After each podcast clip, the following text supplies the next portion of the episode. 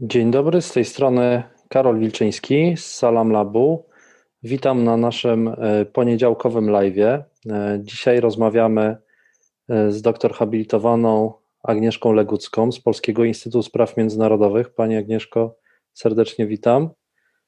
To ja dziękuję za zaproszenie. Mam nadzieję, że nas widać, nas słychać. Tradycyjnie pierwsze 2-3 minuty pozwolę sobie właśnie na zaczekanie na tych, którzy, którzy ewentualnie chcą nas oglądać. Dajcie znać, e, czy jesteśmy na żywo, czy, czy nas widać, czy nas słychać. E, napiszcie, skąd nas słuchacie. Być może też są jakieś osoby, które mm, no, mają jakieś związki z Ukrainą, być może są osoby, które mieszkały na Ukrainie. Ja sam mam takie doświadczenie właśnie mieszkania w Ukrainie mm, przez e, prawie pół roku. E, więc e, mam też mnóstwo przyjaciół i, i, nie ukrywam, że mam też sporo znajomych i przyjaciół z Rosji, może nieco mniej i nigdy w Rosji nie byłem, ale jakoś ten temat nie jest e, mi odległy, nie, nie, no, nie zajmuję się nie, tymi tematami, ale, ale jest to jednak tak mi bliski temat właśnie z takich osobistych trochę względów. E, no i też oczywiście tej bliskości e, geograficznej. No, Ukraina jest e, naszym sąsiadem, jest tuż za miedzą i mimo wszystko jako Salam Lab, chociaż wchodzimy głównie w te tematy powiedzmy Azji Południowo-Zachodniej czy Afryki Północnej, no to tutaj uznaliśmy, że, że być może mm, ten temat no jest na tyle istotny, żeby, żeby też się spotkać i o nim porozmawiać. E, także jeśli macie jakiekolwiek pytania, e, jakiekolwiek komentarze, mm, proszę wpisujcie je mm, w komentarzu e, pod tym wideo na Facebooku. Ja też przypominam, że po zakończeniu tej rozmowy będzie ona dostępna na naszym YouTubie i na naszym Spotify, czyli będzie można odsłuchać tej rozmowy w formie podcastu. E, I przypominam też, że można nas wspierać e, za pośrednictwem portalu zrzutka.pl ukośnik salamlab i tak samo na patronajcie patronite.pl ukośnik salamlab. E, działamy wyłącznie dzięki wsparciu naszych patronów. Jeszcze raz witam panią Agnieszkę. Agnieszka Legucka jest analityczką do spraw Rosji w programie Europa Wschodnia Polskiego Instytutu Spraw Międzynarodowych. Zajmuje się polityką zagraniczną i wewnętrzną Rosji, kwestiami bezpieczeństwa i konfliktów na obszarze wschodniego sąsiedztwa Unii Europejskiej, relacjami Unii Ros i Rosji, NATO i Rosji, rosyjską dezinformacją i czymś, o czym często ostatnio słyszeliśmy, e, czyli zagrożeniami hybrydowymi. Jest doktor habilitowaną nauk o bezpieczeństwie i profesor nadzwyczajną na Wydziale Finansów i Stosunków Międzynarodowych Akademii Finansów i Biznesu Wistula w Warszawie. Pani Agnieszko, jeszcze raz bardzo dziękuję za zaproszenie. E, za przyjęcie zaproszenia i bycie dzisiaj e, wieczorem e, tutaj z nami. Super, to ja, to ja bardzo dziękuję za zaproszenie. Zajmuję się Rosją, tak, w piśmie i też w 2013 roku napisałam książkę o konfliktach zbrojnych na obszarze poradzieckim i właśnie jak ją napisałam, to Znajomi się e, żartowali sobie, dość tak smutno sobie żartowali, że Władimir Putin przeczytał tę książkę i właśnie wszystko to, o czym napisałam, to właśnie zrealizował na Krymie i w Donbasie, bo e, no tak, bo znaczy tak, tak dosyć smutna to była konstatacja, bo e, ja napisałam o tym, w jaki sposób Rosja wykorzystuje konflikty zbrojne w swojej polityce zagranicznej. Czyli porównałam e, konflikty e, w Górskim Karabachu, w Naddniestrzu, w Abchazji, Osetii Południowej i doszłam do wniosku, że ten model, który oni zastosują, czyli wykorzystują mniejsze państwa, takie terytoria zależne w stosunku do takich silniejszych organizmów państwowych, właśnie, nie wiem, Abchazję przeciwko Gruzji, E, Naddniestrze przeciwko Mołdawii i w ten sposób a, trzymają w ryzach te państwa, żeby na przykład nie uciekały w kierunku zachodu. E, i potem modelowo to odtworzyły właśnie e, w Donbasie. I dlatego mm, ten konflikt, te konflikty separatystyczne, tak to się określa, w Abchazji, Osetii czy w Górskim Karabachu, one powstały bez inspiracji Rosji.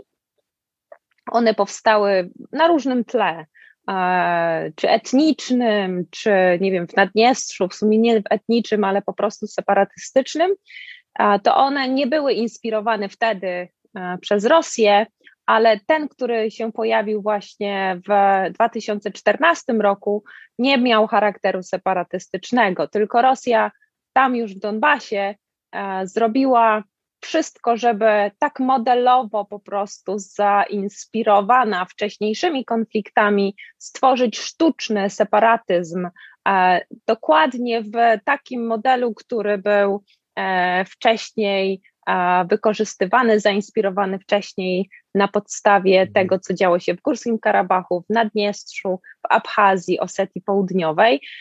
Więc taka smutna konstatacja, że właśnie Władimir Putin przeczytał, moi znajomi tak sobie żartowali, że właśnie przeczytał tę książkę i po prostu wdrożył w Donbasie. Więc to taka, e, taka, tak, taką anegdotę mogę od tej anegdoty zacząć, bo e, ja szczerze mówiąc, jak obserwowałam to, co się działo wtedy, w 2014 roku, e, to szczerze mówiąc myślałam, że Władimir Putin zatrzyma się na Krymie że on mhm. z Krymu stworzy taki właśnie przyczółek e, takiego tak zwanego zamrożonego konfliktu.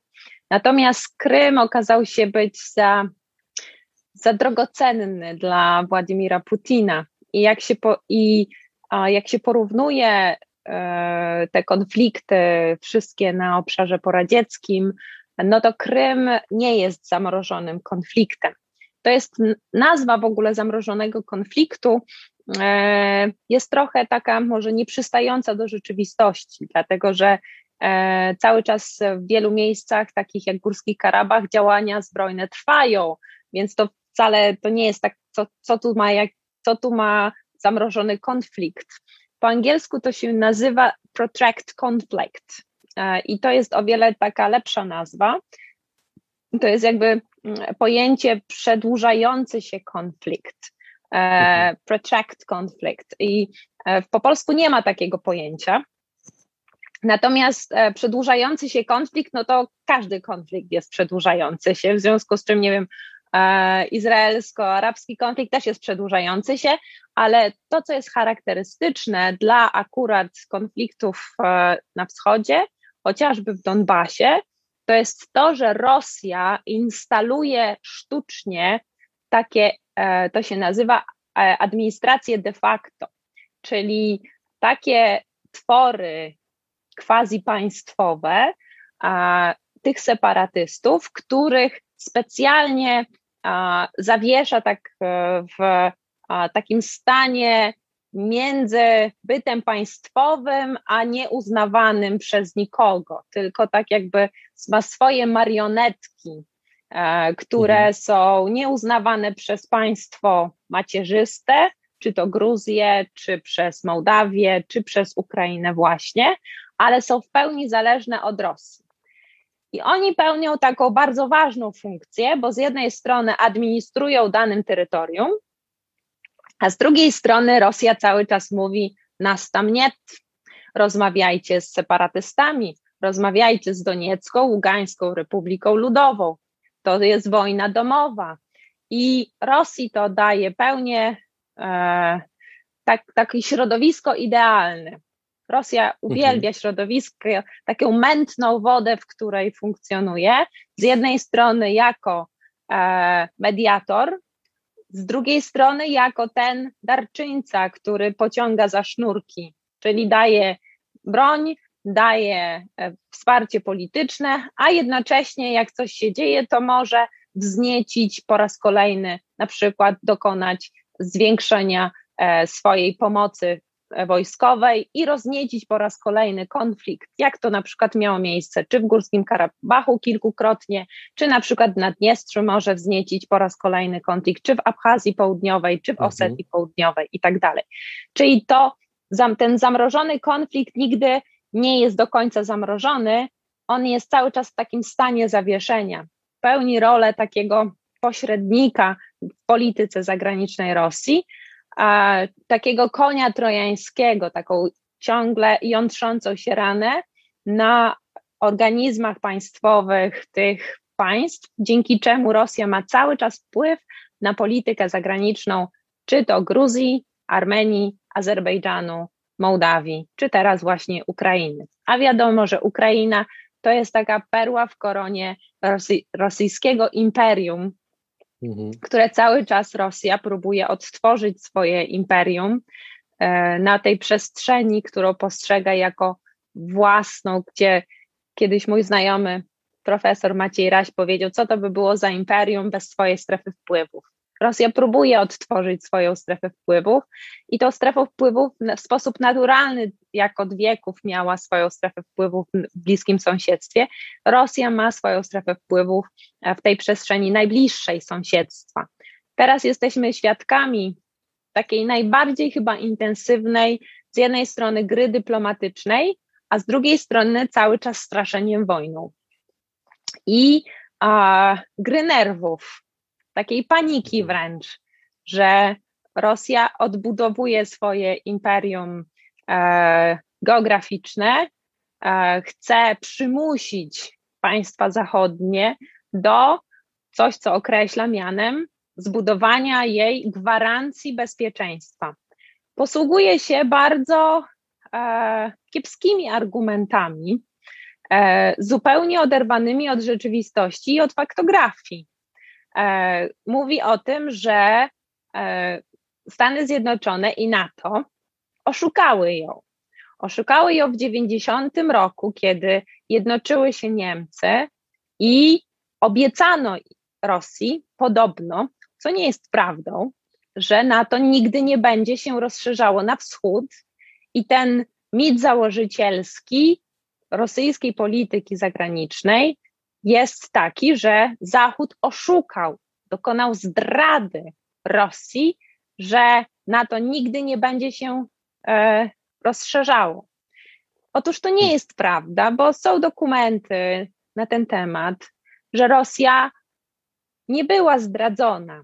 Co więcej, Rosji wielokrotnie oferowano, ofer wielokrotnie dokonywano ofert współpracy mhm. wielorakiej. Łącznie z tym, że w 2002 roku Rosja miała prawo w, ra w Radzie NATO-Rosja do współdecydowania w pięciu obszarach, na przykład walki z międzynarodowym terroryzmem, do współdecydowania do takiego samego głosu jak członkowie NATO. Natomiast wielokrotnie zrezygnowała z tego e, na rzecz tego, żeby konfrontacyjnie e, działać z Rosją, z właśnie nie działać z, z Zachodem, e, a to już, że tak powiem, ma wymiar wewnętrzno-polityczny. Pewnej mhm. logiki a, wewnętrznego reżimu, który staje się coraz bardziej e, autorytarny i potrzebuje takiej a, antyzachodniej retoryki, bo stracił wewnętrzną e, logikę a, pobudzania poparcia politycznego dla przywódcy, którym jest Władimir Putin. Kiedyś było takie przeświadczenie, że Władimir Putin ma poparcie społeczne, bardzo duże. Nawet jak miesza w swoich wyborach e, politycznych, jak tak sobie dosypuje trochę e, e, procentów do poparcia politycznego, to było takie ogromne przeświadczenie, że tak czy siak Rosjanie by na niego zagłosowali ale co, co i róż kolejne wybory, kolejne fałszowane wybory, czy na przykład nad zmianą konstytucji, czy ostatnie wybory parlamentarne, już nie mają takiego, mm, już się okazało, że dopychane kolanem e, przy urnach wyborczych e, defraudacje wyborcze pokazują, że to już nie jest takie oczywiste.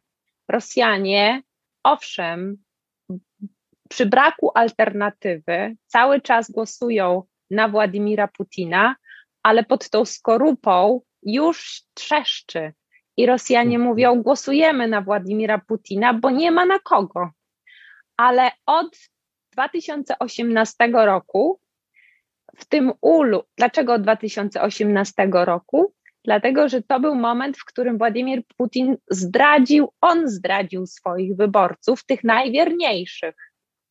Dokonał e, e, czegoś, czego do tej pory nie zrobił, bo mówił zawsze, że nie podniesie wieku emerytalnego. A emery takim typowym wyborcą rosyjskim, który wierzy w Władimira Putina, to jest 55-letnia kobieta, staruszka. No może nie staruszka, nie przesadzajmy, ale y, mieszkanka wsi, 55-letnia, która zawsze głosowała na Władimira Putina i wiek, podniesienie wieku emerytalnego to był moment, w którym Rosjanie powiedzieli: No jak to? Przecież zawsze Władimir Putin mówił, że tego nie zrobi. No ale nie miał wyjścia, bo system zaczął się chwiać. Ekonomiczny oczywiście. Mhm. No i od tego momentu już się nigdy nie udało Władimirowi Putinowi podnieść e, zaufania społecznego. Różnymi prób próbował sposobami. I właśnie to jest moment, w którym traci legitymację e, społeczną, polityczną. E, I jest cały czas kryzys e, legitymacji politycznej Władimira Putina. I będzie szukał kolejnych i kolejnych sposobów na to, żeby zbudować swoją legitymację społeczną, a taka właśnie antyzachodnia retoryka i coraz większe awanturnictwo zagraniczne daje mu to. Ale nie tylko dlatego, że ludzie tego chcą, bo wszystkie badania z e, mm, opinii publicznej mówią, że ludzie się nie chcą wojny. E, że ludzie nie boją się w ogóle e, wojny globalnej, ale takie poczucie napięcia wojennego daje też taką stabilizację elity politycznej, że takie napięcie, że no jeżeli mamy wojnę, to musimy się skonsolidować, elita musi się skonsolidować, no bo jeżeli jest taka sytuacja, no to jedyną osobą w takim czasie kryzysu to trzeba jednak mieć tego jedynego, który zapanuje na tą sytuację. Mhm. I dlatego jest potrzebny Władimir Putin, i dlatego jest potrzebna taka retoryka wojenna, takie napięcie polityczne. Ale ja cały czas uważam, że e, byłoby to rozwiązanie bardzo ryzykowne. Napięcie polityczne wokół wojenne, napięcie wojenne jest bardzo korzystne z punktu widzenia elity władzy politycznej w Rosji. Sama wojna jest ryzykowna. Nie mówię, że nie, bo Rosy, Ros, jakby kalkulacje analityczne i mówienie, że Rosja nie rozważa scenariusza wojennego, e, jest bardzo ryzykowne analitycznie też. Mhm. I że nie można wykluczać e, wojny e, w ogóle. Operacja, ograniczona operacja wojskowa w Ukrainie jest możliwa, bo uwiarygadnia rosyjski, rosyjskie a, naciski na Ukrainę. One są ważne e, z punktu widzenia rosyjskiej strategii względem Ukrainy, względem Zachodu i tego napięcia, które jest teraz budowany, żeby Zachód nie powiedział, że a nie, bo Rosjanie zawsze blefują. To to jest ważne. Natomiast pełnoskalowa wojna na Ukrainie czy w Ukrainie jest ryzykowna z punktu widzenia również elity władzy w Rosji. Dlaczego? Dlatego, że e, także badania opinii publicznej pokazywały, że e, wszystkie rosyjskie awanturnicze wojenki typu Gruzja, typu Syria także powodowały spadek poparcia politycznego dla Władimira Putina, poza jednym wyjątkiem. Poza 2014 rokiem Krym nasz. Mhm. Udało się rosyjskim władzom przekonać, że to była sprawiedliwość dziejowa i stworzenie sytuacji, w której e, Krym nie był postrzegany jako wojna zewnętrzna, tylko coś bardzo wewnętrznego, że Krym był rosyjski, co oczywiście jest nieprawdą, bo e, historycznie Krym e, był e, tylko w 14%, jeżeli popatrzymy na, gdzie, jakby, jakbyśmy sobie tak przeciągnęli historycznie na procenty podzielili, to tylko w 14% historycznie Krym był rosyjski. bo tak to przydzielony był i Tatarom, i Turkom, i tak dalej, i tak. części Ukraińcom, natomiast Ros, e, zawsze ten Krym miał być rosyjski, miał być, bo i Katarzyna II do niego dotarła i, i w historiografii rosyjskiej on, on był tym takim właśnie, i o ile Ukraina jest tą perłą, no to tą, tą perką perełek, tym, tym największym diamentem na Morzu Czarnym i dostęp w ogóle do Morza Czarnego jest, e, jest tym, tym takim kluczowym, strategicznym e, momentem. E, I wykorzystano ten moment osłabionego państwa ukraińskiego, skorzystano z tego momentu i dlatego to, to była jedyna sytuacja, w którym właśnie poszybowały, poszybowały, poszybowało poparcie dla, E, Władimira Putina, więc Władimir Putin czuje rosyjskie społeczeństwo, ale ja mam, czuję w tym sensie, że wyczuł wtedy ten moment, kiedy ta relacja społeczna, tą relację społeczną, te odczucia i emocje wyczuł. Teraz mam wrażenie, że przestaje czuć to społeczeństwo mhm. e, i traci ten kontakt e, ze społeczeństwem, bo się rozjeżdżają te emocje społecznych oczekiwań e, i tego, co chce władza narzucić. To bardzo wyraźnie pokazała też pandemia. Ale wracając już do konfliktu, to o co Pan pytał, czy właśnie ten konflikt będzie, bo tego to, o czym rozmawiałam w sumie od miesiąca, czy ten konflikt będzie, czy nie będzie. A on jest prawdopodobny, tego nie można wykluczyć. Natomiast e, zupełnie inne nastroje są w Ukrainie, inne nastroje są w Polsce czy na Zachodzie, bo w Ukrainie cały czas musimy mówić, że ten konflikt cały czas jest. On jest od 2014 roku, więc zupełnie inne są nastroje społeczne, e, bo Ukraińcy mówią, no ale nad czym wy się w ogóle tak jakby e, zastanawiacie? My cały czas jesteśmy w tym konflikcie. E, i nastroje społeczne są o wiele bardziej takie mm, spokojne, mhm. wyważone, a w szczególności im bliżej frontu, to mam wrażenie, że te nastroje są o wiele spokojniejsze e, i wśród ekspertów, i wśród wojskowych.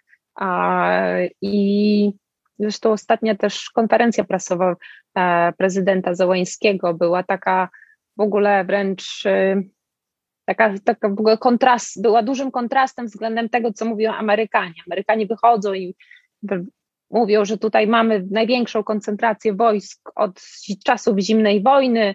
Wychodzi prezydent Zełański i mówi, no ale chwila, moment, przecież my tutaj jesteśmy, my chyba lepiej wiemy, co, co mamy u siebie, więc jakby rozmawiajcie z nami, a nie tam z Amerykanami.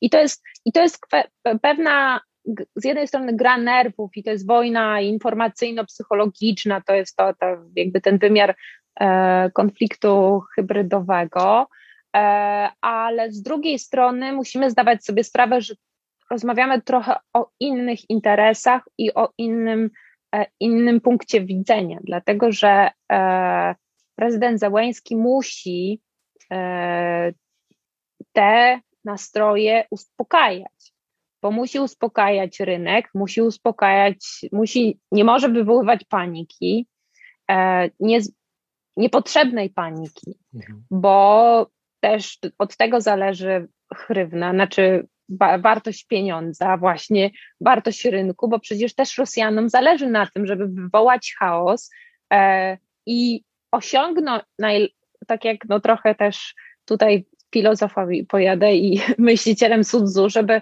osiągnąć cele bez wystrzelenia ani jednego e, pocisku, tak? Więc e, musi robić to, żeby dopóki nie będzie e, kolejnej eskalacji zbrojnej, e, opanować sytuację i właśnie tę, wytrwać tę e, grę, grę nerwów. I dobrze, dlatego że E, Ukraińcy są zupełnie w innej sytuacji, w innym momencie niż byli w 2014 roku. I to musimy sobie też, i to sobie też Rosjanie muszą mocno uświadomić.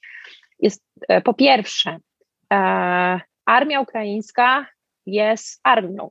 W 2014 roku była w rozsypce, była na papierze, a i tak udało im się utrzymać terytorium i Rosjanie zajęli owszem Krym, ale też bez jednego wystrzału, co było wielką porażką w sumie Ukraińców, ale też musimy sobie zdawać sprawę, że flota czarnomorska, większość oficerów floty czarnomorska, czarnomorskiej, większość oficerów to byli Rosjanie.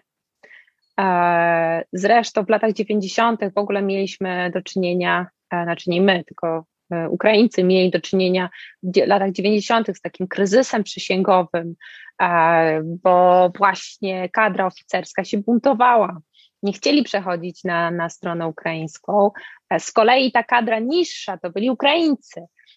I, i, I były tarcia wewnątrz floty czarnomorskiej. Przecież była cała E, cała, e, cały spór między podzia- o podział floty czarnomorskiej, do kogo ona powinna należeć, e, no bo to jest no, największa, najważniejsza część, to była najważniejsza część właśnie podziału między Ukraińcami a Rosjanami. W latach 90. to był wielki spór, do kogo ona powinna należeć, do kogo powinien należeć Sewastopol, do kogo powinny należeć porty, do kogo powinien należeć E, należeć właśnie Krym, więc e, o to, o to toczyły, się, toczyły się boje. E, I w momencie, kiedy, kiedy przyszedł Majdan, to Rosjanie skorzystali z okazji. No i też do, do dzisiaj my się do końca nie dowiemy całej prawdy, bo mm, trochę ciążyła sytuacja z 2008 roku, kiedy E, oskarżano wtedy Michala, Michaila Saakaszwilego o wywołanie wojny z Rosją. Um, I ja mam takie wrażenie, że Ukraińcy nie chcieli popełnić błędu, że oni zaczęli strzelać do Rosjan, żeby nie było na nich, a, że oni zaczęli tę wojnę, więc nie strzelali, ale w sumie oddali potem walkowerem a, e, Krym, a w sumie powinni jednak bronić własnego terytorium. Mhm. No, ale sytuacja jest zupełnie inna do, do dzisiaj, bo już teraz Rosjanie nie będą mogli powiedzieć, że nas tam nie ma, że to tylko zielone ludziki, bo dzisiaj jest tak nakręcona spirala, że wszyscy już wiedzą, że jeżeli cokolwiek się wydarzy, to będą to Rosjanie. Nie mhm. będą powiedzieli, nas tam nie ma, to tylko ci separatyści, że właśnie wejdą w tę rolę mętnej wody i powiedzą, że te zielone ludziki to oni kupili sobie te mundury w Biedronce, że każdy w sumie traktorzysta tam by wsiadł i e, separatystycznie sobie tam zadziałał i, e, i odbił takie terytorium. Teraz by była jasna sytuacja. A dlaczego jest to ryzykowne? Dlatego, że e, Rosjanie są też przekonani, zresztą machina, wielka machina propagandy działa. Rosjanie są przekonani, że rzeczywiście tam Rosjan nie ma. W Donbasie oczywiście, bo na Krymie to są. W Donbasie Rosjanie uważają, że ich tam nie ma. Nawet jeżeli giną tam Rosjanie, to matki, rodziny są przekupywane i ich e, synowie są chowani w e, bezimiennych trumnach, grobach. E, a jeżeli próbują dojść, e, że to jednak zginęli w Donbasie, na terytorium Ukrainy, i jeżeli nie będą siedzieć cicho, no to albo trafiają do psychiatryka, albo mają kłopoty z wymiarem sprawiedliwości w Rosji. Mhm. Więc to taka sytuacja. Więc mhm. e, i, to, i, i mówimy o ograniczonym konflikcie. Więc ja mówię, e, Rosjanom będzie dla Rosjan wielka operacja wojenna, taka właśnie wojna typu zajmujemy całą Ukrainę albo połowę Ukrainy. Bo pamiętajmy, że Donbas to jest część Donbasu, to jest 3% ukraińskiego społeczeństwa, Boże, terytorium. No to jak zajęlibyś, nie my, od razu personifikuję, jakby Rosjanie zajęli połowę Ukrainy, nie mogliby mówić, że ich tam nie ma. To jest politycznie bardzo ryzykowne, dlatego że Putin uważa, że Ukraińcy i Rosjanie i Białorusini to jest jeden jakby święty naród, który składa się z trzech nacji, właśnie Białorusinów, Ukraińców i Rosjan, że Ukraińcy to jest bratni naród. Bardzo trudno byłoby Rosjanom przekonywać, że walczą ze swoimi braćmi. Oni by owszem to tłumaczyli, że to tam Amerykanie i tak dalej, że to, to NATO niedobre siedzi z bronią chemiczną tam i oni muszą. Jakoś by to próbowali robić, ale na dłuższą metę, jakby teraz, e, prawda, i, e, ginęliby tam Rosjanie, walczący ze swoimi braćmi na masową skalę, bo ginęliby, bo na pewno, bo to, to już nie da się e, tego zakamuflować, wszystkich posłać do psychiatryka albo e, zaszantażować, przekupić. No to, bo to trzeba okupować już to terytorium, bo Ukraińcy mówią jasno, my będziemy walczyć. Oczywiście część ucieknie, bo to każde posta- jakby wojna stawia ludzi pod, mm, i są różne postawy społeczne. Jedni uciekają, inni. Ale Ukraińcy mówią, my będziemy walczyć. Jedni będą, ale jest dużo, dużo, bardzo dużo osób, którzy mówią, że będą walczyć. Mhm. Znaczy, rodziny będą e, wsadzają, znaczy żony i córki wsadzają do samochodów i na dacze albo do rodziny, a ja idę walczyć. Mhm.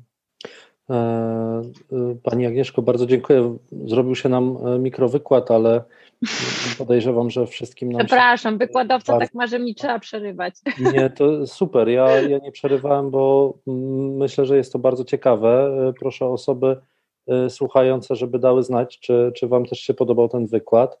Mamy zresztą tutaj pozdrowienia z Rzymu, ze Szwecji, z Krakowa i z Francji. O proszę, to pozdrawiamy Także cały, cały świat przynajmniej Europę. A przynajmniej Europę. To jest ogromna zaleta rzeczywiście e, tych live'ów, że możecie nas słuchać z różnych stron. E, I mam już pytania. Ja wcześniej też zadałem pytania e, u siebie na Instagramie i, i tak jak pani wspominałem przed rozpoczęciem rozmowy, no te pytania, tam było kilkadziesiąt tych pytań i zdecydowana wow. większość z nich, jeśli nie wszystkie, były raczej w takim duchu do którego nas przyzwyczaiły też polskie media, to znaczy, że ta wojna już jest i właściwie ona jest nieuchronna, więc ja może przeczytam, e, czy Ukraińcy robią już zapasy, czy ludzie już zaczęli opuszczać kraj, jak mamy my jako Polacy przygotowywać się do tej wojny i co z ludźmi, którzy zostaną. No rozumiem w domyśle pytanie, co z ludźmi, którzy zostaną, jak będzie właśnie trwał ten konflikt zbrojny. E, natomiast tutaj na Facebooku bardzo dziękuję pani Zuzannie i pani Patty za za pytanie. E, pani Zuzanna pyta, czy jest mimo wszystko opcja, że Rosja się wycofa. E, pani Zuzanna zresztą z Budapesztu nas pozdrawia. A pani Patti pyta, co mogłoby realnie skłonić Rosję do wycofania się z ewentualnych planów zaatakowania Ukrainy i nie mam tu na myśli spełnienia ich absurdalnych mhm. żądań. Czy w ogóle jest coś tak, tak, takiego, E, czy jest pole do rozmowy przy całej tej propagandowej otoczce realnej koncentracji -hmm. wojsk i od siebie dodam e, to, o czym Pani wspomina, to jest, e, ja oczywiście miałem od razu kontekst Polski tej, tego tak zwanego, tej wojny hybrydowej, tak zwanej wojny hybrydowej, o której mówi polski rząd, który też chyba pełnił podobną funkcję mimo wszystko tak politycznie, mm, czy, czy właśnie mając do czynienia z tak silną maszyną propagandową, Putinem, który rozumiem w jakiś sposób używa e, no właśnie tych militarnych środków do tego, żeby nie tylko grać na, z Zachodem w pewną grę, ale tak naprawdę gra też swoją wewnętrzną grę, tak? Czy jest tutaj szansa rzeczywiście na to, żeby, żeby ten konflikt e, nie skończył się e, militarnie i czy takie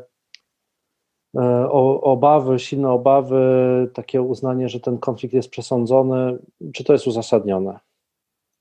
Znaczy ja e, twierdzę od dłuższego czasu, że ten konflikt wcale nie jest nieuchronny, e, bo tak jak mówię, on jest bardzo mocno, znaczy on jest ryzykowny. Ja nie, twier nie twierdzę, że on jest nieuchronny, e, on jest prawdopodobny dla mnie. Jest prawdopodobny, żeby uwiarygodnić e, to, o czym Rosja mówi, czyli ona mówi bardzo ostro naprawdę te jej żądania są bardzo mocne. a nawet takie bardzo, bardzo wysokie, ale to też jest forma rosyjskiej, rosyjskiego sposobu negocjowania, trochę sowieckiego, że wychodzimy z takich bardzo wysokich żądań, żeby móc negocjować trochę mniej.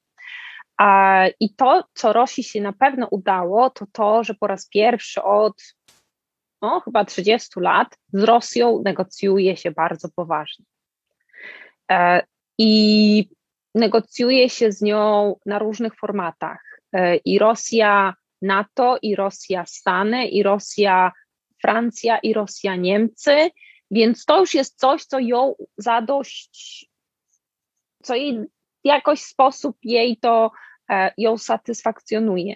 Bo to, co Rosji bardzo, co ją Rosję bolało przez lata 90., że było je, była wtedy bardzo słaba gospodarczo i nie była w stanie e, e, powstrzymać Zachodu przed różnymi rzeczami, mm, między innymi przed rozszerzeniem NATO albo przed interwencją e, NATO w Kosowie.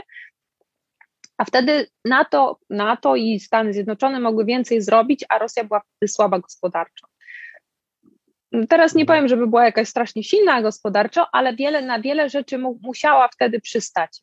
E, i uważa to za swoją porażkę. A mhm. teraz e, Rosja e, uważa, że powinna w jakiś sposób wrócić do gry. Wrócić, wraca do gry ze wzmocnioną, ze wzmocnionymi Chinami i osłabionym Zachodem. Przynajmniej tak kalkuluje. I ja wcale nie twierdzę właśnie, że ta wojna jest nieuchronna, co jest bardzo ciekawe. Przy całej tej propagandowej otoczce e, w Rosji e, mam wrażenie, że ta rosyjska propaganda taka jest w zawieszeniu. Jakby czeka na wytyczne. Mhm. Że nie tak, że ta wojna już jest. Ja mam wrażenie, że bardziej ona jest w zachodnich mediach, naszych też, że trochę tak jak Pan mówi, że jest grana pod nasze wewnętrzne rzeczy, E, e, polityczne e, niż, niż jest w Rosji. Bo w rosyjskich mediach ona jest taka właśnie czyż, że ta wojna jest, bo, bo rosyjscy politycy, politycy, rzecznik, minister spraw zagranicznych, oni cały czas mówią, że tej wojny nie będzie, tylko że mhm. to jest taki kolejny stopień, stopień uwiarygodnienia, trzeba poczekać, aż rosyjskie władze zaprzeczą, to znaczy, że coś będzie. To też trzeba, to też trzeba brać, brać na to poprawkę, ale rosyjskie media właśnie mm, tak by trzeba umieć trochę czytać między wierszami, ale też wcale nie biją takie, takie tarabany, że będzie wojna, będzie wojna, bo powiedzmy, e, jest taki bardzo znany rosyjski program 60 minut, to oni trąbią o wojnie, ale to oni trąbią o wojnie zawsze. Mhm. Bez różnicy od czter, no ja bym powiedziała, że od 8 lat trąbią o wojnie, więc jakby jak ja to oglądam ten program, to mniej więcej cały czas jest taka sama mantra, więc dla mnie to nie ma żadnej różnicy, bo to jest jakby mm, yy, nic nowego.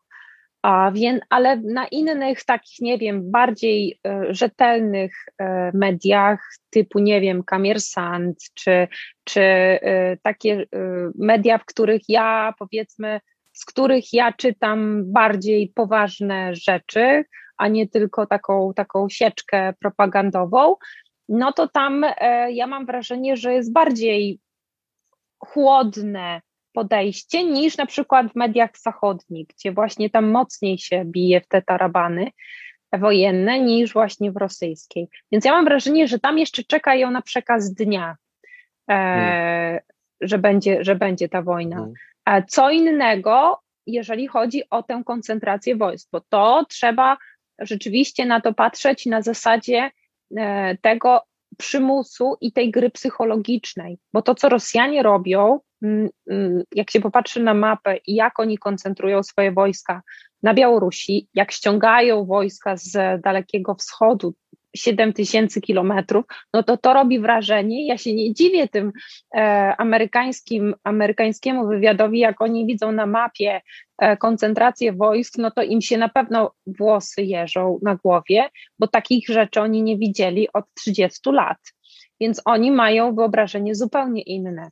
Oni analizują mapy i wojskowi mówią, no nie, to coś tutaj musi być z tego.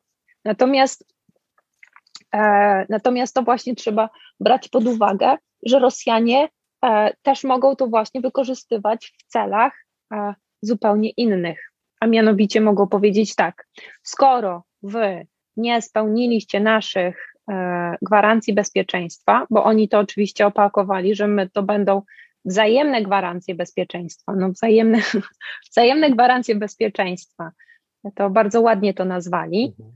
To powiedzą tak, nie, nie spełniliście wzajemnych gwarancji bezpieczeństwa, wtedy my musimy unilateralnie, czyli jednostronnie wzmocnić własne gwarancje bezpieczeństwa, czyli właśnie zbudować sobie na naszej zachodniej granicy e, stałe e, na przykład bazy wojskowe na Białorusi i wzmocnić swoją zachodnią flankę. E, ten. I to wcale nie jest dla nas super wiadomość, bo my będziemy z takimi wojskami, wzmocnionymi wojskami u naszych granic i Ukraińcy, ale i Polacy będą musieli funkcjonować ze wzmocnionymi wojskami rosyjskimi i będziemy z tym musieli funkcjonować przez najbliższe lata. Czyli żyć z takim przeświadczeniem, że jak Rosjanie im się zachce, no to mogą rozpocząć taką wojnę w każdym momencie. Będą mieli takie możliwości. Mhm, mhm. Czyli ta groźba będzie nad nami tak, wisieć i tak, Putin dostanie Tak, tak. I nawet jeżeli teraz nie, nic nie zrobią, no to będą mieli takie capacity. Mhm. Ja dziękuję w międzyczasie za wszystkie komentarze. A właśnie pozdrawiamy z, z, Budapesztu panią, nie, nie odpowiedziałam na to pytanie, jakie tam było tak. pytanie, panią Zuzannę, tak.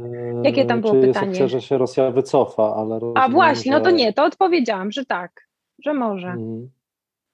E, mamy pozdrowienia jeszcze z Wiednia i z Yorkshire i z Karpat wow. i tutaj jest... E, to pozdrawiamy serdecznie. Pani Barbara pisze w jakimś języku, którego nie jestem pewien, e, czy to jest język ukraiński właśnie, ale jest pisane łacińskim alfabetem, więc nie jestem pewien. W każdym razie za chwilę przejdę do tego pytania pani Barbaro. Jeszcze wcześniej był pan Eugen chyba, tak powinienem przeczytać. To też za chwilę do tego pytania wrócę. Dziękuję za wszystkie pytania. Natomiast mam od siebie pytanie, bo mm, jestem ciekaw, jakby dlaczego właśnie teraz te armie Ros, armia Rosji i, i, i, teraz się pojawia właśnie, otacza Ukrainę, dlaczego to właśnie w tym momencie, a nie na przykład trzy miesiące temu, kiedy, kiedy mieliśmy tą sytuację na pograniczu polsko-białoruskim, czy, czy jeszcze rok temu na przykład. Dlaczego właśnie teraz doszło do tego, do takiej sytuacji, w której Putin zdecydował się gromadzić te wojska i przewozić 7 tysięcy kilometrów? Czy to tak nie do końca y, jest, że dopiero teraz mam, bo y, to jest powtórka z rozrywki, dlatego że w kwietniu e, zeszłego roku mieliśmy dokładnie taką samą sytuację, kiedy właśnie Rosjanie nie tyle zgromadzili, no ale oni mają swoją stałą bazę właśnie wokół e, Ukrainy, swoje 100 tysięcy wojsk e, e, wokół Ukrainy, tam blisko, blisko granicy ukraińskiej, a oni tam przewieźli część właśnie około 100 tysięcy wojsk. Potem reakcją na to było spotkanie Biden, Biden-Putin, a, I Rosjanie uznali, że to jest świetny sposób na to, żeby zwrócić na siebie uwagę. A jeszcze w dodatku wtedy, y, tuż przed spotkaniem Biden-Putin, Amerykanie złagodzili sankcje na gazociąg północny, więc Rosjanie powiedzieli: Nie, no to świetnie, to działa. można, można tak się bawić, więc. Y, więc to zadziałało. Biden obiecał rozmowy na temat e, rozbrojenia i takiego memorandum o dyslokacji rakiet średniego i półśredniego zasięgu w, w Europie. E, więc Rosjanie trochę poszli za ciosem. Potem Amerykanie wycofali w sierpniu swoje wojska z Afganistanu, więc Rosjanom się zapaliła taka lampka, że Amerykanie są słabi i po prostu trzeba wykorzystać okno możliwości e, i zrozumieli, że Amerykanie, nie tylko, nie, nie tylko Biden jest słaby, ale w ogóle, że Amerykanie, amerykańska, amerykańskie imperium chyli się ku upadkowi tak samo jak radzieckie kiedyś imperium się chylił ku upadkowi, bo Afganistan jest takim po prostu cmentarzyskiem imperiów, a, a w dodatku e, jeszcze do tego się nałożyło to, że w Niemczech się e, dokonała zmiana rządzących. E, tam co prawda weszli zieloni do koalicji, tacy nie bardzo lubiący lubiące e, Rosjan, więc mogą coś namieszać z Nord Stream 2, więc trzeba trochę przyspieszyć e, sytuację, a nuż e, się sytuacja, a nuż właśnie wprowadzą jakieś tam restrykcje względem Nord Stream 2. Za chwilę może się zmienić niekorzystnie sytuacja wyborcza we Francji, bo za chwilkę w kwietniu mhm. mamy wybory. Ten więc takie otworzyło się okno możliwości i zaraz sytuacja może się popsuć, bo w Polsce otwiera się zaraz Baltic Pipe, czyli dywersyfikujemy mm, mm, dostawy gazu do Polski, więc e, będzie się krzyżował Nord Stream 2 z Baltic Pipe i będziemy bardziej e, energetycznie niezależni, więc ta presja energetyczna na Europę będzie słabsza, więc otworzyło się to okno możliwości takiej większej presji rosyjskiej na Europę na Unię Europejską, na Stany Zjednoczone i Rosjanie powiedzieli tak, albo teraz, albo nigdy. Może, może nie nigdy, ale teraz jest bardzo dobry moment, żeby nacisnąć, bo potem może już nie być takiego dobrego momentu. E, I właśnie e, pod koniec, e, znaczy tak, na jesieni zwiększyli te swoje siły, bo oni obiecali, że wycofają te 100 tysięcy z granicy ukraińskiej, ale tego wcale nie zrobili. Amerykanie się zorientowali właśnie na jesieni i przesłali do swoich e, sojuszników, że tam hej, ale tam Rosjanie wcale nie wycofali swoich wojsk i tylko zwiększyli jeszcze liczebność. No a Rosjanie nie zaprzeczyli, tylko, tylko Amerykanie, e, tylko jeszcze tam pododawali trochę tych wojsk i Amerykanie przysłali informację, która już była bardzo jasna, która powiedziała, że Rosjanie szykują e, operację wojskową, która odbędzie się w połowie stycznia, na przełomie stycznia, lutego.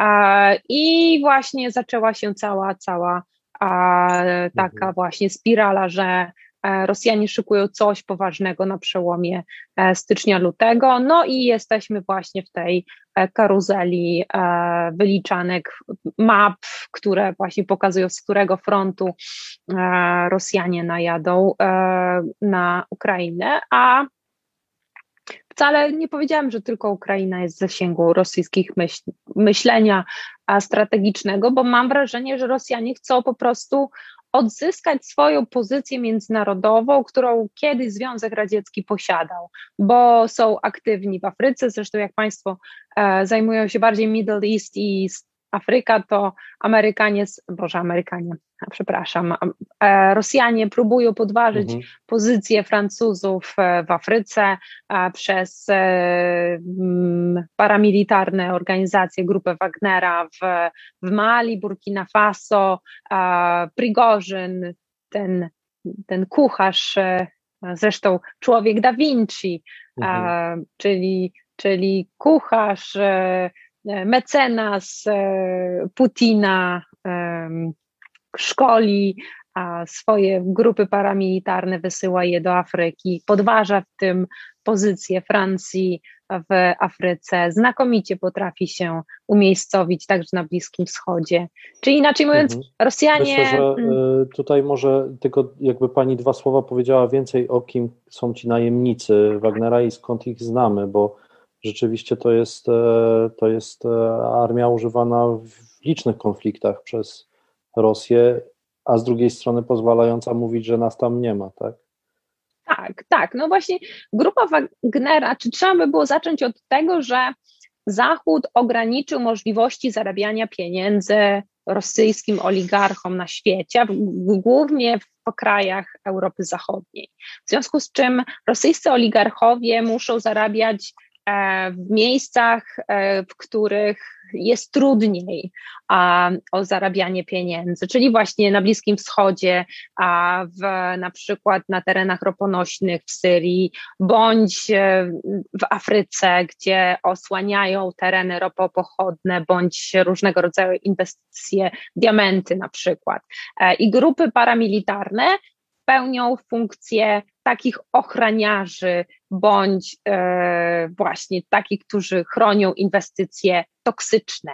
A, I także szkolą różnego rodzaju grupy a, na miejscu, którzy a, na miejscu um, w Afryce najczęściej e, to już pełnią takie funkcje, bym powiedziała, e, chroniące lokalnych e, wataszków bądź e, mm, przywódców autorytarnych, którzy się e, chcą utrzymać przy władzy. E, I tutaj Rosja pełni taką, taką e, mm, swoich nie brasajut, czyli mhm. starają się starają się pełnić rolę takich mecenasów, którzy również pomagają w tym, żeby utrzymywać przy władzy niektórych rządzących. Dzięki temu zyskują przyjaciół, wśród rządzących, między innymi w Afryce. No, czym właśnie pod, podburzają, znaczy nie podburzają, co e, podkopują, przywód, mm, podkopują e, mm, taką tradycyjną rolę Francuzów bądź tych przywódców kolonialnych. Bardzo też wchodzą w, w rosyjską, z rosyjską propagandą i e, dezinformacją taką właśnie nutę podważania właśnie państw kolonialnych i w ogóle takich tendencji kolonialnych, w, szczególnie właśnie e, w państwach afrykańskich. Więc robią to dobrze. Mhm. No. Mhm. E, tak, no jak gdzieś czytałem też analizę, że to jest doskonały moment na to, żeby tych e, najemników się pozbyć, bo oni są w tym momencie w różnych krajach w takich małych oddziałach, nie są zgromadzeni Mm, w takich. Ale co ciekawe, tak, a co ciekawe, mhm. pomimo tego, że e, w ogóle grupa Wagnera i grupy paramilitarne są niezgodne z prawem rosyjskim, to są, e, są leczeni w, w rosyjskich szpitalach wojskowych. Mhm, mhm, mhm. E, I może przejdę do tego pytania, to jest od pani Barbary, która pisze: Dikujemy od Karpat. Nie wiem, szczerze mówiąc, w jakim mm. języku, ale jak e, pani Agnieszka charakteryzowałaby wsparcie dla, Ukraińsk, dla Ukraińców ze strony innych krajów, e, takich jak Bułgaria, Serbia, Słowacja, Polska, znaczy ona pisze dosłownie Polaków, Białorusinów, ale rozumiem, że prawdopodobnie chodzi o, o państwa. A z drugiej strony od siebie mogę też zapytać, żeby troszkę rozszerzyć to pytanie, jak Pani ocenia właśnie wsparcie ze strony Unii Europejskiej? Bardzo często się mówi o tym braku wsparcia właśnie ze strony e, Niemiec, a z drugiej strony wydaje mi się, że jednak Unia Europejska sporo sporo robi, e, e, tak mi się wydaje, no, no, że jednak jest dosyć duże zainteresowanie mm, tą sprawą Ukrainy, chyba nawet większe niż, niż w przypadku tej, e, tej, tej, tej, tego zajęcia Krymu na przykład 8 lat temu. Nie wiem, jak, mhm. jak pani to ocenia. Mhm. Tak, no tak, e, bardzo ważne, bo to chyba trzeba, musi wybrzmieć. Mm, bardzo ważne, bo e, jest to, że e, Zachód, a w szczególności NATO i Stany Zjednoczone nie ugięły się przed tym rosyjskim szantażem, bo Rosjanie myśleli, że powiedz, przestraszą Zachód wojną i dostaną w ofercie różne pomysły ze strony różnych państw, bo zdajemy sobie sprawę, że różne państwa mają różną politykę względem Rosji. E, mhm. Mamy Nord Stream 2, mamy, nie wiem, Węgrów, którzy e, robią interesy z Rosjanami, mają swoje projekty energetyczne z Rosjanami. Mamy Austriaków, mamy Włochów, mamy naprawdę są różne państwa, które chętnie współpracowaliby, współpracowałyby z Rosją, chociażby Francuzów na przykład, którzy e, bojąc się e, Chin, chętnie podjęliby dialog z Rosjanami, e, albo są niechętni Amerykanom i chętnie by rozmawiali z Rosjanami. Więc istniała taka groźba, że jak Rosjanie tupną nogą, to część państw europejskich powiedzą, a dobrze, no to może rzeczywiście byśmy porozmawiali z Rosjanami, no to, bo Władimir Putin, to lepiej z nim, żeby nie było wojny, to przymusimy Ukraińców, żeby się dogadali z Putinem. E, albo na przykład sam Biden, tego też się obawiano, że po tej kwietniowej rozmowie z, z, z, z Putinem znowu pojedzie, żeby nie było wojny, to się z nim dogada. I na mhm. szczęście coś, nic takiego się nie wydarzyło. Rosyjski szantaż był za, za mocny, to znaczy za bardzo. Rosjanie zażądali za dużo, postawili trochę e, NATO pod ścianą i Amerykanie, mimo tego, że są skoncentrowani na Chinach, musieli wrócić do Europy i wrócić do takiej tradycyjnej polityki odstraszania plus partnerstwo z Ukrainą. I rzeczywiście ta odpowiedź NATO i Stanów Zjednoczonych była jednoznaczna, że na zasadzie wzajemności, jeżeli chcecie, żebyśmy się wycofali z Europy Środkowej i żeby nie było rozszerzenia NATO, to wy się wycofajcie z Krymu, wycofajcie się z Abchazji, wycofajcie swoje siły z granicy ukraińskiej, wycofajcie się z Białorusi jeżeli chcecie, żebyśmy my się wycofali z Europy Środkowej i tak dalej. Czego Rosjanie oczywiście wiadomo, że nie zrobią. E, nie ma mowy o tym, że zamykamy politykę otwartych drzwi, zamykamy się na członkostwo NATO Ukrainy, że Ukraina nie może wejść do NATO, czy Gruzja nie może wejść do NATO. E, owszem, jesteśmy, Amerykanie są otwarci na rozmowy rozbrojeniowe, E, i rozmowy na temat unikania incydentów zbrojnych e, z, e, z NATO Rosja.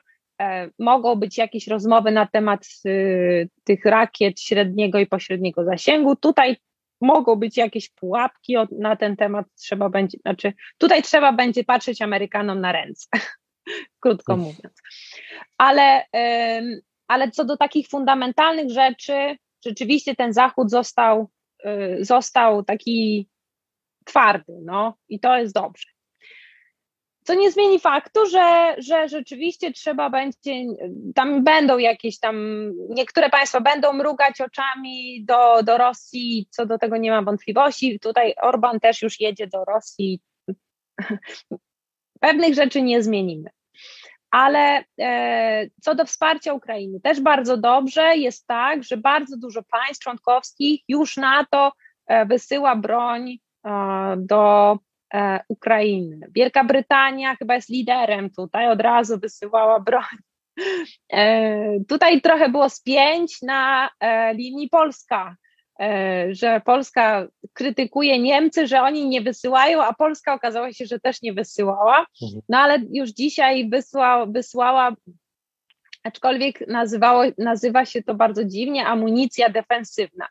Nieważne jak się nazywa, ważne, że, że wysyła e, też broń i szkoli, mhm. szkoli e, armię ukraińską i to wsparcie, wsparcie jest, zawsze polskie wsparcie e, Ukrainy jest. E, jeżeli chodzi o Białoruś, no to tutaj reżim Aleksandra Łukaszenki jest niestety niewzruszony i raczej stanie po stronie Rosji, co do tego nie ma żadnych wątpliwości, niestety. E, bardzo dwuznaczną rolę pełni, pełni Chorwacja, e, która powiedziała, że jak się coś stanie, to oni wycofają wojska ze wschodniej flanki. Też mhm. trzeba będzie pracować nad tym państwem. Mhm. Ale Kanada, Wielka Brytania, Polska, Niemcy, które nie wysyłają broni, ale dostali taką krytykę ze wszystkich stron, że się nie pozbierali. Najważniejsza rzecz jest taka, że po wielkiej krytyce e, minister Berbok, minister spraw zagranicznych Berbok, jasno powiedziała, że Nord Stream 2 będzie na stole i pozostanie na stole negocjacyjnym w sprawie sankcji, że będzie jednym z instrumentów nacisku, jeżeli Rosja dokona dalszej deeskalacji, bo to mhm. nie, że wojna, bo wojna cały czas jest. Jeżeli dokona inwazji dalszej, to będzie to jednym z instrumentów nacisku na, mhm. na Federację Rosyjską. To jest kluczowa ale sprawa. Z ministra z Partii Zielonych, dodajmy. E, nie, nie, ale to jest w imieniu całego rządu. Mhm, mhm. Więc po wielu tarciach, bo tam oni cały czas wewnętrznie nie wiedzieli, czy tak, czy nie, czy to ekonomia, czy nie ekonomia, czy puszczać, czy nie puszczać. E, ale jest jednoznaczne stanowisko i tutaj raczej nie sądzę, żeby się z tego wycofali, bo potwierdziła to Victoria Nuland, która jest sekretarz stanu, e, sekretarz stanu, e, mm, czyli taki minister spraw zagranicznych w Stanach Zjednoczonych, więc jakby jest potwierdzenie i z USA i z Niemiec, że Nord Stream 2 będzie wstrzymany, e, jeżeli, Stany, jeżeli Rosja napadnie na, znaczy napadnie, jeżeli dokona eskalacji zbrojnej e, mm, na Ukrainę jeszcze raz. Więc to jest ważne. To jest ważne. E, bardzo dziękuję. Chyba powoli będziemy kończyć. E, tutaj jeszcze są pozdrowienia ze Szwajcarii i jeszcze jedne z Wow, bardzo pozdrawiamy Szwajcarię. Jest też jedno pozdrowienie z Polski, z Pleszewa. A, także bardzo dziękuję. Pleszewo też pozdrawiam. E, bardzo, bardzo dziękujemy. E, chyba zostało jedno takie pytanie. Nie wiem, czy możemy na nie bardzo krótko odpowiedzieć, żeby jednak pana Eugena nie zostawiać e, tak po prostu. On pytał wcześniej o taką, o te kwestie z samego początku, czyli kwestie historyczne, czy kiedy ZSRR mhm. się rozpadał, Rosjanie nie zadbali o swoją przyszłość i nie zabezpieczyli się przed rozszerzeniem NATO na wschód, czy nie chcieli strefy buforowej i tutaj, jak pisze pan Eugen, czy w pewnym sensie chcieli w taki sposób popełnić samobójstwo. Nie wiem, czy jesteśmy jakoś w stanie króciutko e, na to pytanie odpowiedzieć. Trudno to powiedzieć. Mi się wydaje, że byli, mm, byli w takim rozgardiaszu wewnętrznym, że to też trzeba by było się zastanowić na tym, w którym momencie, ale wydaje mi się, że jako demokratyczne państwo e, żadne państwo nie powinno myśleć o jakbyś strefie wpływów. A nie w ogóle nie powinniśmy myśleć chyba w takich kategoriach a, o mhm. strefie wpływów. Każde demokratyczne państwo powinno mieć swoją siłę przyciągania a nie budowania swojej strefy wpływów. Wtedy każde państwo ciąży do takiego kraju, żeby z nim współpracować, żeby mieć wymianę ekonomiczną, żeby mieć wymianę kulturalną, a nie tylko budować strefy wpływów. Wtedy a, nie potrzeba jest stref wpływów tak naprawdę, bo e, NATO się rozszerza nie poprzez to, że dokonuje ekspansji, tylko że te państwa chcą przystąpić do, do Sojuszu Północnoatlantyckiego, a nie, że e, tak jak propaganda rosyjska mówi, że NATO chce wciągnąć Ukrainę i chcą budować swoją strefę wpływów, tylko że to Ukraina albo nie wiem, Polska chciała wejść do NATO, a nie, że NATO chciało sobie zbudować swoje, Niemcy chciały sobie zbudować swoją strefę wpływów, rozszerzając e, swoje mhm. terytorium. Tylko właśnie to odwrotnie trochę trzeba właśnie myśleć. Myślę, że Rosja miała taki moment, kiedy miała szansę być demokratycznym państwem, ale sprawy się potoczyły trochę hmm. inaczej. Niestety. E, jeszcze raz e, Pani Agnieszko bardzo dziękuję. Jeszcze to ja dziękuję za przemiłe. Pozdrowienia z Paryża, proszę bardzo. No, o proszę. Europa. Paris, Paris. No. Bardzo dziękuję. E, pewnie to nasze nie ostatnie spotkanie, mam nadzieję. Z drugiej strony rozumiem, że jakby było nasze spotkanie, to jednak pewnie coś się będzie działo, mm, być może niedobrego, ale, ale mam nadzieję, że. No to, to nie wiem, czego sobie życzyć. Nie, mam nadzieję, że może w jakimś innym kontekście, nieco przyjemniejszym o, o Rosji i, i sprawach naszych wschodnich sąsiadów e, porozmawiamy. Ja tymczasem zapraszam za dwa tygodnie. Będziemy mieli taki specjalny cykl. Nie wiem, czy, czy nasi słuchacze, słuchaczki pamiętają ferie na Bliskim Wschodzie. Jeszcze rok temu, w styczniu, mieliśmy taki cykl dwutygodniowy. Planujemy coś podobnego. Na razie nie zdradzam więcej szczegółów, ale za dwa tygodnie w poniedziałek e, właśnie będzie pierwszy odcinek e, mm, tego właśnie cyklu. i on będzie przez cały tydzień, także już powolutku zapowiadam.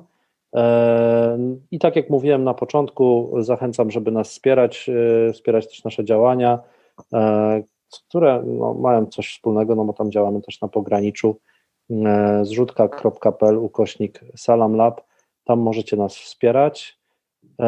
Pani Agnieszko, jeszcze raz dziękuję i, i życzę ja dobrej dziękuję nocy. za zaproszenie. Pozdrawiam wszystkich z całej Europy.